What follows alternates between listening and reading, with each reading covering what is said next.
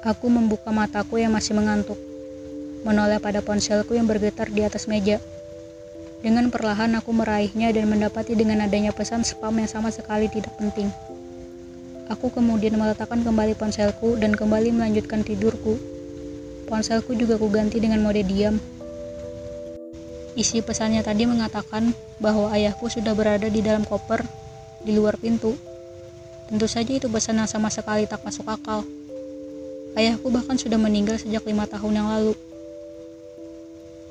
Besok paginya, aku mendapatkan pesan lagi dari nomor yang sama.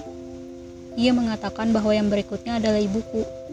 Astaga, ayah dan ibuku saja sudah bercerai sejak aku masih sangat kecil. Bahkan wajah ibuku saja aku tak pernah tahu. Meski dalam foto sekalipun, karena ayah tak pernah menyimpan atau menunjukkan apa pun tentang ibuku. Aku kembali mengabaikan pesan itu dan pergi mandi. Selesai mandi dan mengenakan seragam, aku keluar kamar dan menuju dapur.